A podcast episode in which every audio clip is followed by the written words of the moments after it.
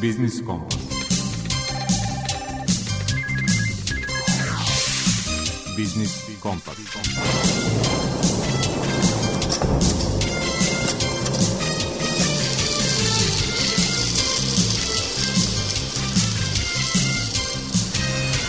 Pred mikrofonom je Đuro Vukelić. Dobar dan poštovani slušalci.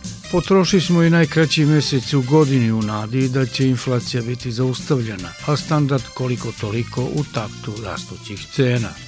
Uprkos tome, zanimanje za odmor i letovanja nisu splasnula. Posle lanjskog rekorda, srpski turizam beleži naime raste i u prva dva meseca ove godine. O tome u rubrici aktuelno razgovaramo sa PR-om turističke organizacije Srbije Jelenom Popović. Zavidan rast osim turizma ostvaruje i IT sektor. Neke od kompanija zaslužnih za to su deo Naučno-tehnološkog parka Novi Sad, koji će nam u rubrici iz mog predstaviti direktor Nebojša Drakulić. U rubrici Svet preduzetništva rukovodilac projekata u regionalnoj razvojnoj agenciji Bačka Marija Prokopić govori o uslovima konkursa pokrajinskog sekretarijata za regionalni razvoj, međuregionalnu saradnju i lokalnu samoupravu za nabavku nove opreme. Rast baznih kamata kod nas i u svetu poskupaju kredite s promenljivom kamatnom stopom i mnoge klijente doveo u ozbiljnu nevolju. Odluke kojima bi trebalo da bude olakšana otplata kredita donela je i naša centralna banka. A šta te olakšice donose klijentima, objasnit će nam Ivana Joksimović iz sektora za kontrolu poslovanja banaka u Narodnoj banci Srbije. U rubrici Potrošačka korpa prava Mladen Alfirović iz Udruženja za zaštitu potrošača Vojvodine govori o dometima uvođenja prekršajnog naloga u sistem kažnjavanja trgovaca. I pre rubrike Aktualno poslušajmo prvu muzičku numeru za danas.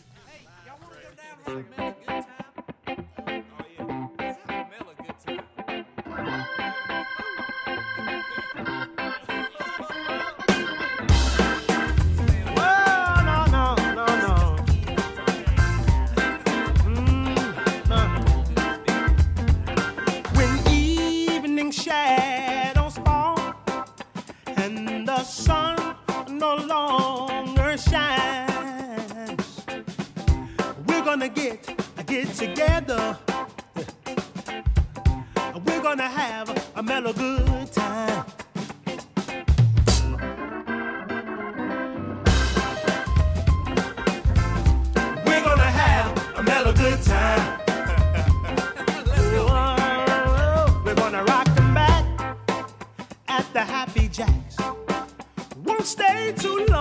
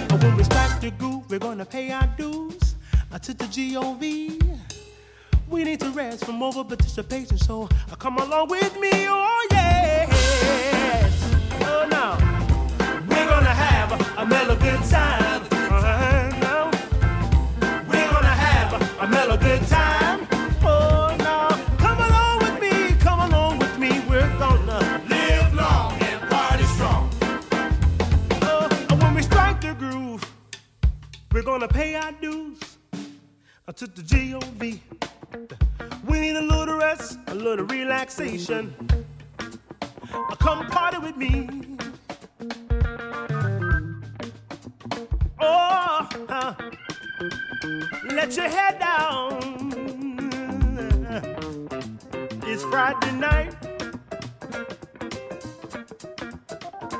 Get on your mojo, oh no. Get off your job, yeah. oh, why don't you kick up your feet or dance to the beat? Feel the heat now. Come on, let's hit the streets. Ah. We're gonna party all night long. We're gonna party.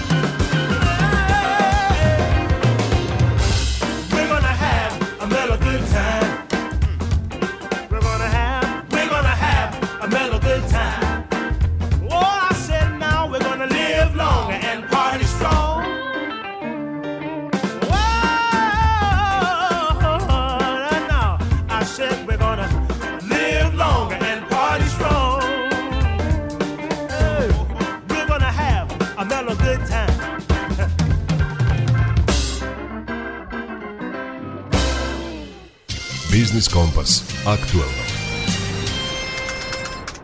Prihodi veći od 2,5 milijarde evra, rekordan broj gostiju i noćenja, obeležili su turističku 2022. godinu u Srbiji. Ocenjeno je na 44. međunarodnom sajmu turizma u Beogradu. Uprkos vremenskim prilikama koje nisu bile naklonjene zimskim turističkim centrima, srpski turizam je zabeležio rast i u prva dva meseca ove godine – rekla nam je PR turističke organizacije Srbije Jelena Popović. Sada možemo sa sigurnošću da kažemo da je ovo bila rekordna godina za srpski turizam. Mislili smo da je u ovim za sve nas novim okolnostima bilo teško dostići tu rekordnu 2019. godinu, a ispalo je da smo i prestigli a ono što nas posebno raduje je što naši rezultati nisu ostali nezapaženi na evropskoj i na svetskoj mapi, gde prema izveštaju Evropske turističke komisije Srbija zauzima prvo mesto po rastu prihoda od turizma, što ste lepo i rekli u pitanju. A kada govorimo o rezultatima, važno da napomenemo da mnoge destinacije još uvijek nisu dostigli rezultati iz 2019. godine. A na vaše pitanje kako smo došli do svih tih rezultata, mogu da kažem da je to vrednim radom svih naših kolega, svih lokalnih turističkih organizacija, regionalnih turističkih organizacija, strukovnim udruženjima, turistička privreda, mediji, jer smo svi zajedno došli do ovih rekordnih brojki i što se tiče prihoda i što se tiče noćenja i što se tiče broja boravaka i važno je da nastavimo da se unapređujemo, razvijamo, pratimo nove trendove u potražnji i zahtevima turista jer jedino na taj način možemo da očekujemo i da ove godine ispred nas budu rekordne. Gradovi poput Beograda i Novog Sada, zimski centri, Koponik i Zlatibor, Vrnjačka i Soko Banja, najveći prihod je ostvaren i priliv gostiju u tim destinacijama. Kako oživeti i druge destinacije koje zaslužuju i više gostiju i veće prihode? Kada govorimo o tome, u zavisnosti od toga ko su turisti, razlikuju se i te najposećenije destinacije u Srbiji. Tako da mislimo da svaka destinacija u Srbiji je dovoljno lepa, ima dovoljno turističkog sadržaja i tih turističkih proizvoda i ima šta da ponudi svakom turisti. Kada govorimo o inostranim turistima, više od polovine njih boravi u Beogradu, dok po strukturi broju realizovanih noćenja za Beogradom idu Novi Sad, Zlatibor, Koponik, Vrnjačka banja. A kada su u pitanju domaći turisti, na prvom mestu su naše banje i planinski centri, pa tek onda gradovi. A ono što je zajedničko i domaćim i stranim turistima, to jeste trend aktivnog odmora koji je u ekspanziji. Tako da verujem da cela naša Srbija će u ovoj 2023. godini beležiti pozitivne rezultate i rast u broju noćenja i u broju turista. Kakvi su izgledi u turističkoj 2023. Za zimske turističke centre nije najbolje počela, snega je bilo malo. To je istina, ali je svaka od naših planina imala u ponudi takve turističke proizvode da i oni koji su tih dana došli na planinu da skijaju, mogli su u drugim sadržajima da uživaju. ovaj period iza nas, a i u nastavku kakva je vremenska prognoza, biće pogodna za sve skijaše, tako da će planinski centri da budu puni već skoro i do sredine marta. Ukoliko pogledamo statističke podatke za prva dva meseca u brojkama u turizmu, mi smo sad nadmašili rezultate iz istog perioda prethodne godine, tako da očekujemo da će ova 2023. godina biti još uspešnija i još rekordnija, a ako pogledamo ponudu na 44. međunarodnom sajmu turizma, sigurni smo da će turista biti, prvo iz regiona, a onda i iz Evrope, čak i sa dalekih destinacija, posebno ako uzmemo u obzir da Air Srbija uvodi nove letove koji će dodatno da našu destinaciju učine atraktivnijom i bogatijom i negde interesantnijom za turiste i da će svi doći da dožive Srbiju u punoj onoj njenoj lepoti kako ona stvarno jeste. Hvala vam za razgovor. Hvala vama. Naša sagovornica bila je PR turističke organizacije Srbije Jelena Popović.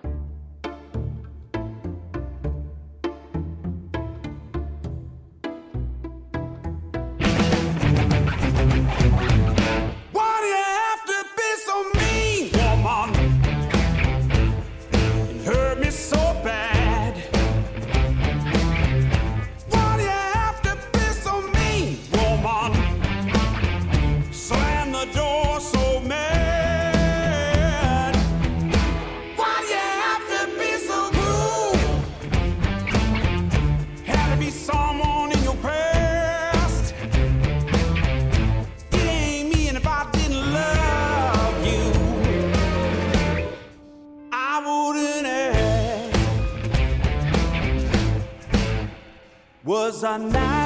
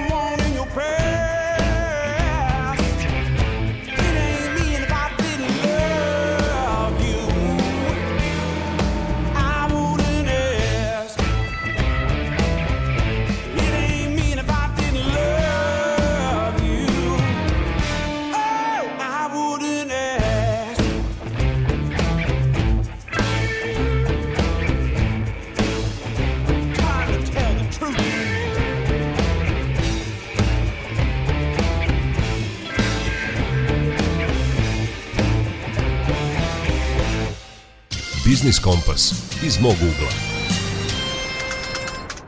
Nemački kontinental je prethodne sedmice otvorio mega fabriku u industrijskoj zoni Kać nadomak Novog Sada, učvrstivši time pozicije najvećeg vojvođanskog grada na mapi inovativnih kompanija automobilske industrije. Kompanija Continental Automotive Srbija jedna je od firma članica Naučno-tehnološkog parka Novi Sad, o kome u rubrici iz mog ugla govori direktor parka Nebojša Drakulić. Najpre želim da izrazim svoje veliko zadovoljstvo što sam danas gost i na otvaranju kontinentalove mega fabrike u Novom Sadu. Siguran sam da je i članstvo kontinentala u Naučno-tehnološkom parku mnogo doprinelo da se realizuje ovako jedan velik projekat. Naime, od 12. decembra 2021. godine, kada je Naučno-tehnološki park Novi Sad aktivno započeo sa svojim poslovanjem. Do danas smo postali inovativna zajednica koja okuplja 29 članica, dva instituta, 11 tehnološko-razvojnih kompanija i 16 startapa. To je rezultat raspisanih pet javnih poziva, tri koja su se odnosila na tehnološko-razvojne kompanije i dva koja su se odnosila na startape. 3. februara Naučno-tehnološki park je nastavio sa ovim aktivnostima, raspisan je otvoreni javni poziv koji se razlikuje od ovih prethodnih baš po tome što je otvoren i bit će praktično aktualan do potpunog popunjenja kapaciteta Naučno-tehnološkog parka jer nam je cilj da Naučno-tehnološki park bude 100% popunjen. Naravno, nećemo se zadovoljiti samo sa popunjavanjem postojećih kapaciteta Naučno-tehnološkog parka, jer interesovanje za članstvo je ogromno, tako da su već pokrenuti poslovi oko izrade projektotehničke dokumentacije koja će voditi ka izgradnji nove zgrade Naučno-tehnološkog parka koja će se nalaziti u univerzitetskom kampusu. Naučno-tehnološki park kao najmlađi naučno-tehnološki park u Novom Sadu posle Beograda, Niša i Čačka je sigurno jedan od naučno-tehnoloških parkova sa velikim potencijalom. To je ono što nas na neki način razvaja od ostalih, što se nalazimo baš u univerzitetskom kampusu.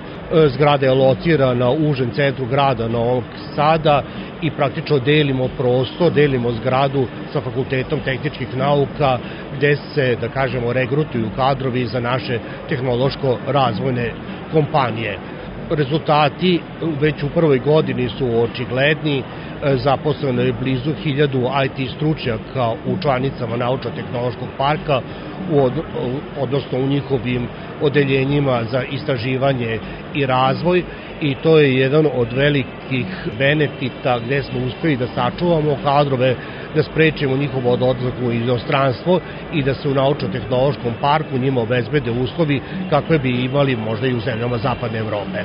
Ono što najviše privlači kompanije da budu deo naučno-tehnološkog parka je da budu deo sredine u kojoj se nalaze, a to je da budu deo zgrade naučno-tehnološkog parka, da imaju tu infrastrukturnu podršku koja je na jednom izuzetnom nivou, da budu na izvoru kadrova koje nudi Fakultet tehničkih nauka, Prirodno-matematički fakultet, Ekonomski fakultet.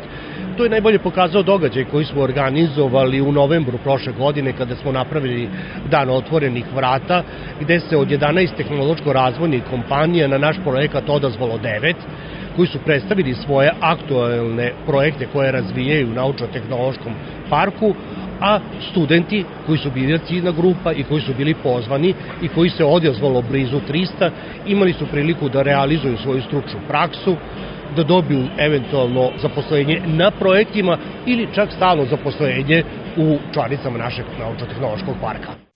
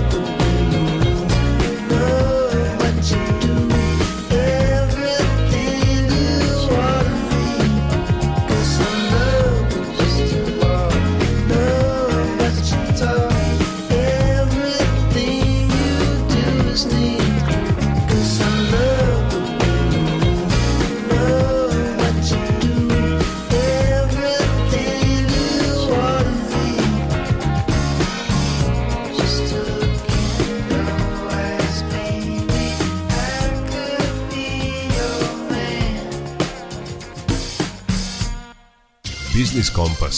Svet preduzetništva. Rukovodilac projekata u regionalnoj razvojnoj agenciji Bačka Marija Prokopić u današnjoj rubrici Svet preduzetništva predstavlja konkurs pokrajinskog sekretarijata za regionalni razvoj za nabavku nove opreme. Rok za podnošenje prijava ističe 13. aprila. Konkurs je objavljen 24. februara 2023. godine, a tiče se dodele bespovratnih sredstava za podršku privrednim društvima za kupovinu nove opreme u 2023. godini. Kao što je kazao naslov konkursa, predmet konkursa je kupovina nove opreme koja je neophodna za realizaciju investicionog projekta, kako za početak, tako za unapređenje ili povećanje obima proizvodnje. Pod ovim konkursom postoje dve komponenta. Komponenta 1 podrazumeva nabavku nove opreme za sva privredna društva koja ispunjavaju uh, uslove konkursa i po ovoj komponenti nabavna vrednost opreme ne može biti niža od 6 miliona dinara, dok komponenta 2 podrazumeva nabavku nove opreme za privredna društva koje su potencijalni ili postojeći lokalni dobavljači multinacionalnih kompanija čijom se kupovinom značajno povećava međunarodna konkurentnost privrednog društva i mogućnost uključivanja u međunarodne lance dobavljača i koja je neophodna za uspostavljanje novog ili proširivanje postojećeg komercijalnog angažmana sa multinacionalnom kompanijom. Po ovoj komponenti neto nabavna vrednost opreme ne može biti niža od 10 miliona dinara. Šta se po ovom konkursu pod opremom podrazumeva?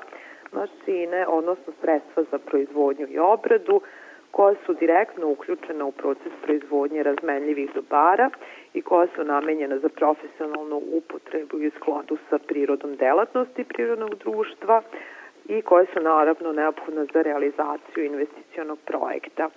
Isto tako, opremom se smatra i proizvodna linija koju čini više funkcionalnih nedeljivih mašina, kao i specijalizovani alati i delovi specijalizovanih mašina, koji moraju biti kupljeni sa tom mašinom od istog dobavljača i iskazani na istoj profakturi. Takođe oprema za kontrolu kvaliteta i merna oprema, a ono što nije predmet, odnosno ono što sa opremom ne smatra po ovom konkursu, to su transportna i manipulativna sredstva kao računarska oprema i tako dalje. Oprema mora da bude nova, nabavljena od kredibilnog dobavljača koji je ili proizvođač ili distributer, a koji opet nije povezano lice sa podnosiocem. Oprema domaćeg dobavljača mora se nabaviti direktno od proizvođača, sem u slučaju ekskluzivnog distributera. Ukupan iznos bespovratnih sredstava koji se dodaljuje po ovom konkursu je 322 miliona 500 hiljada dinara. Za komponentu 1 je e, opredeljeno 262 miliona 500 hiljada dinara, dok je za komponentu 2 60 miliona dinara. Ono što je još bitno reći jeste da je podnosilac prijave dužan da za realizaciju investicionog projekta obezbedi učešće od najmanje 25% opravdanih troškova i sobstvenih sredstava ili iz drugih izvora koji ne sadrže državnu pomoć. Rok za podnošenje prijave je 13. april 2023. godine, računajući i taj dan. Što se tiče uslova koje je neophodno ispuniti da bi se kvalifikovali za bespovratna sredstva po ovom pozivu, kao i spisak potrebne dokumentacije koje je potrebno priložiti, može se naći na sajtu Pokrajinskog sekretarijata za regionalni razvoj, međuregionalnu sradnju i lokalnu samoupravu.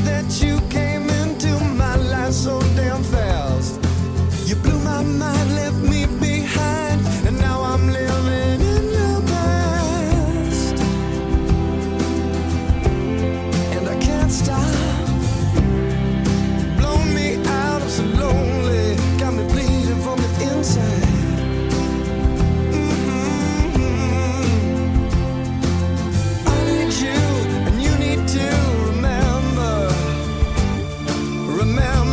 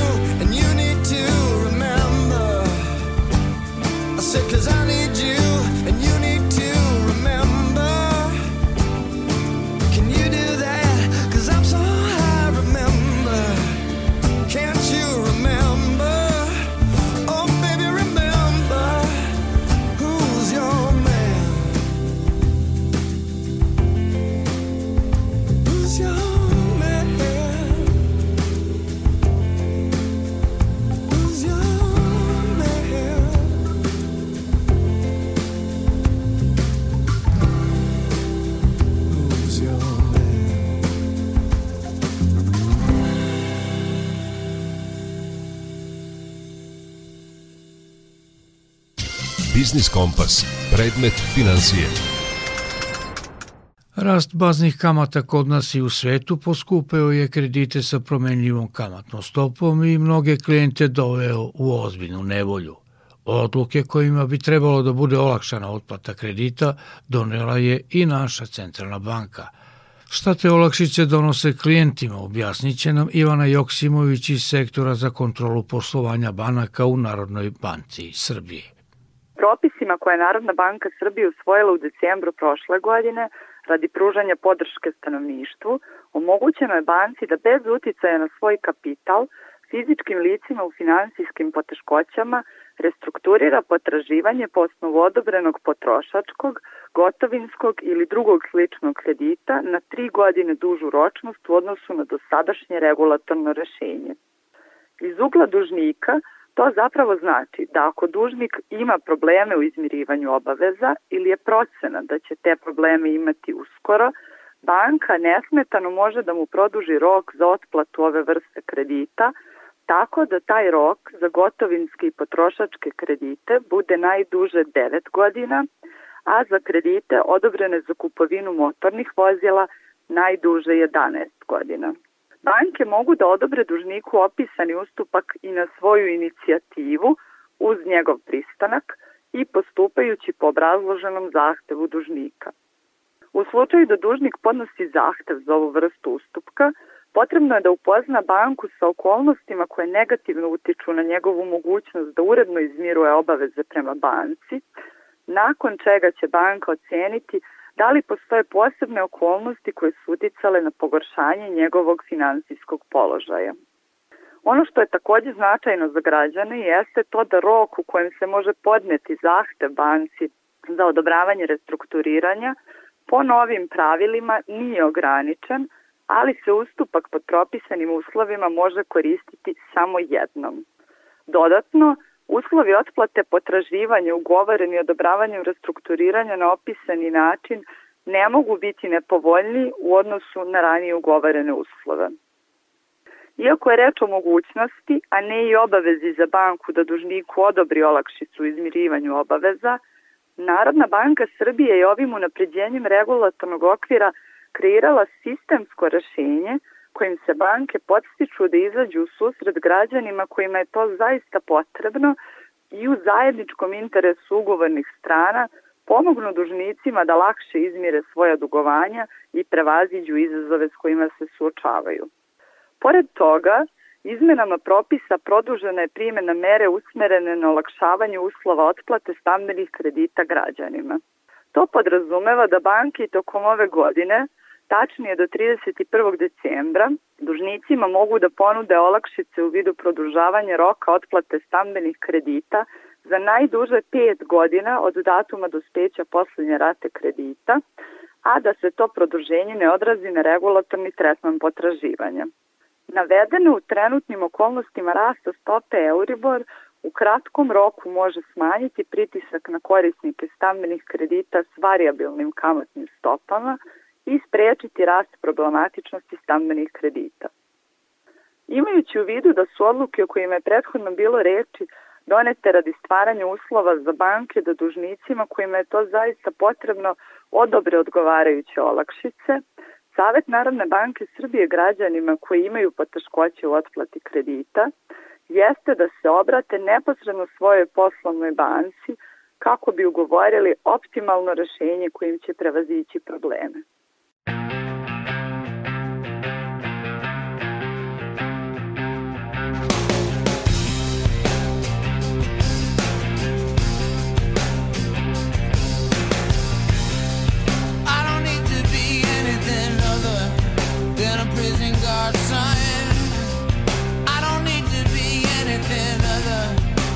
Specialist son.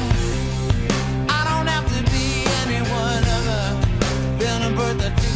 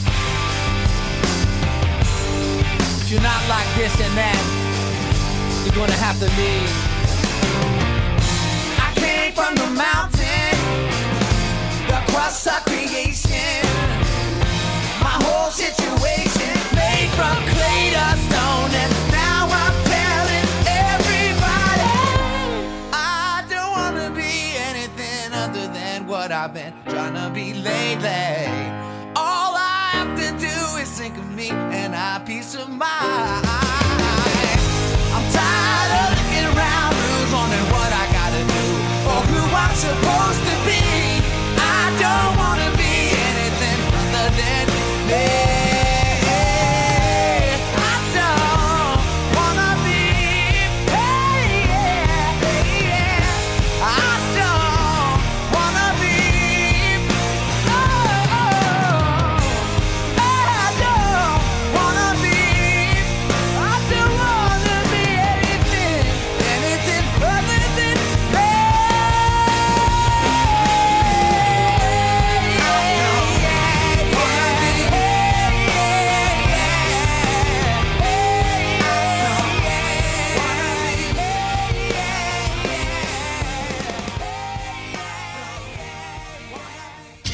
Biznis Kompas, potrošačka korpa prava. Pravni savjetnik u Udruženju za zaštitu potrošača Vojvodine, Mladen Alfirović, ocenjuje da uvođenje prekršajnog naloga u sistem kažnjavanja trgovaca za određene nepravilnosti i daje opipljive rezultate. Godinama smo se suočavali sa situacijama gde nam potrošači prijavljuju da trgovci ne poštuju propise u smislu nekih prekršaja koji su lako uočljivi i gde ne postoji potreba da se bilo šta dokazuje. Recimo, pravi primer za to je pogrešno isticanje cena. Ako recimo vidite da je na, na rafu jedna cena, poželite da kao potrošač kupite taj proizvod i onda vam na kasi kažu da je to zapravo pogrešna cena, već da se radi o nekoj drugoj ceni. Dakle, to je nečija neažurnost, nečija greška koju potrošači na kraju skupo plaćaju jer su oni zapravo i doneli odluku da kupe taj proizvod zbog te cene koja je istaknuta pa onda da ne bi recimo dolazili u nepretnu situaciju oni ipak pristanu i plate tu neku veću cenu najčešće za koju im trgovac na kasi kaže da je zapravo validna i aktualna. Pored toga što se često dešava u svakodnevnom životu i u svakodnevnoj kupovini, čitav niz tih sitnih prekršaja je prisutan i obrađen kroz temu prekršajnog naloga u novom zakonu. Dakle, zakon prepoznaje na desetine tih nekih e, propusta trgovaca za koji e, oni mogu biti kažnjeni na licu mesta kad inspektor u postupku službenog nadzora, odnosno kontrole, utvrdi da je prekršen zakon, dakle on može na licu mesta naplatiti kaznu, a ne kao što je do sad recimo bio slučaj da da inspektor podnosi prekršajnu prijavu, pa da o prijavi odlučuje prekršajni sud i u najvećem broju slučajeva te prekršajne prijave ne budu procesuirane, dođe do zastare i trgovci ne budu kažnjeni. Dakle, mi već godinu dana imamo taj novi, e, novi institut koji je za sad se pokazao da daje izvesne dobre rezultate. Mi smo se pre nekoliko dana obratili Ministarstvu trgovine, sektoru tržišne inspekcije i zahtevali smo da nam se dostave informacija koliko je kazi izrečeno na osnovu prekršajnog naloga i koji je iznos naplaćen u proteklih nešto manje od godinu dana od kad je zakon u primjeni i dobili smo tu informaciju, dakle izrečeno je 657 prekršajnih naloga i naplaćeno preko 13 miliona dinara kazni direktnih od strane trgovaca koji nisu poštovali odredbe zakona o trgovini i zakona o zaštiti potrošača. Dakle, da bi potrošači bili malo bolje upoznati o čemu se radi, pored ovog e, primera koji sam naveo koji se tiče isticanja cena, dakle to su još neki primeri iz prakse gde se recimo potrošaču e, prilikom reklamacije ne izda pisana potvrda o reklamaciji ili mu se ne saopšti broj pod kojim je reklamacija zavedena. Ako se potrošaču ne odgovori na reklamaciju u zakonskom roku, ako mu se ne vrati sav iznos uh, u slučaju usvojene reklamacije. Zatim uh, imamo i neke situacije koje se takođe često javljaju u praksi, tiču se isporuke robe. Dakle, ukoliko potrošaču koji je odustao od kupovine ne bude u zakonskom roku, a to je rok od tri dana, vraćen celokupan iznos koji je on platio, u slučaju da trgovac e, ne poštuje taj rok isporuke. Ukoliko mu naplati neke dodatne troškove vezano, a bez saglasnosti potrošača. E, zatim imamo situaciju da recimo trgovac zloupotrebi izraz garancija ili, ili zapravo koristi taj termin, a potrošaču daje manje pravo u odnosu na, na ona prava koje mu garantuje zakon. Recimo odbije da potrošaču proda robu koja je izložena ili na drugi način pripremljena za prodaju ili odbije da pruži uslugu koju je dužan da, da pruži određenoj situaciji ne pruži potrošaču sva neophodna obaveštenja kad je u pitanju zaključivanje ugovora na daljinu, a to je na prvom mestu da može da odustane od tog ugovora u roku dve nedelje, ako na računu čitljivo jasno ne napiše rok isporuke i brojni drugi primjeri. Ono što je suština jeste da to nešto što se može jasno i nedvosmisleno utvrditi na osnovu uvida u samu situaciju od strane inspektora, nema potrebe, kao što smo godinama govorili, da se podnosi prekršena prijava i da se ide na prekršeni sud, jer zapravo trgovci u malom broju slučajeva su bili kažnjavani i praktično su zbog tog sistema koji je loše funkcionisao i bili motivisani da činete neke prekršaje koji su najčešći u svakodnevnoj kupovini na, na tržištu Srbije.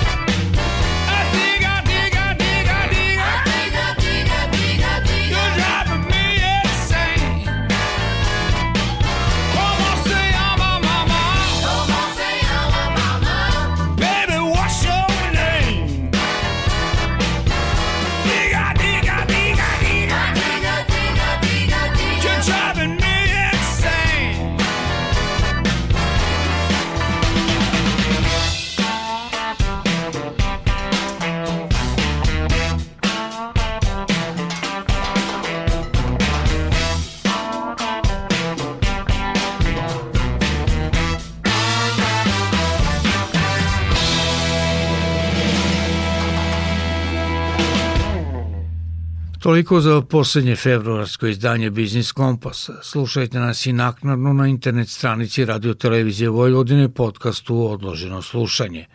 Muzički urednik Zoran Gajinov, ton majstor Marica Jungi i urednik emisije Đuro Vukjelić vam žele ugodan nastavak posle podneva uz Radio Novi Sad. Zdravi bili i čuvajte se.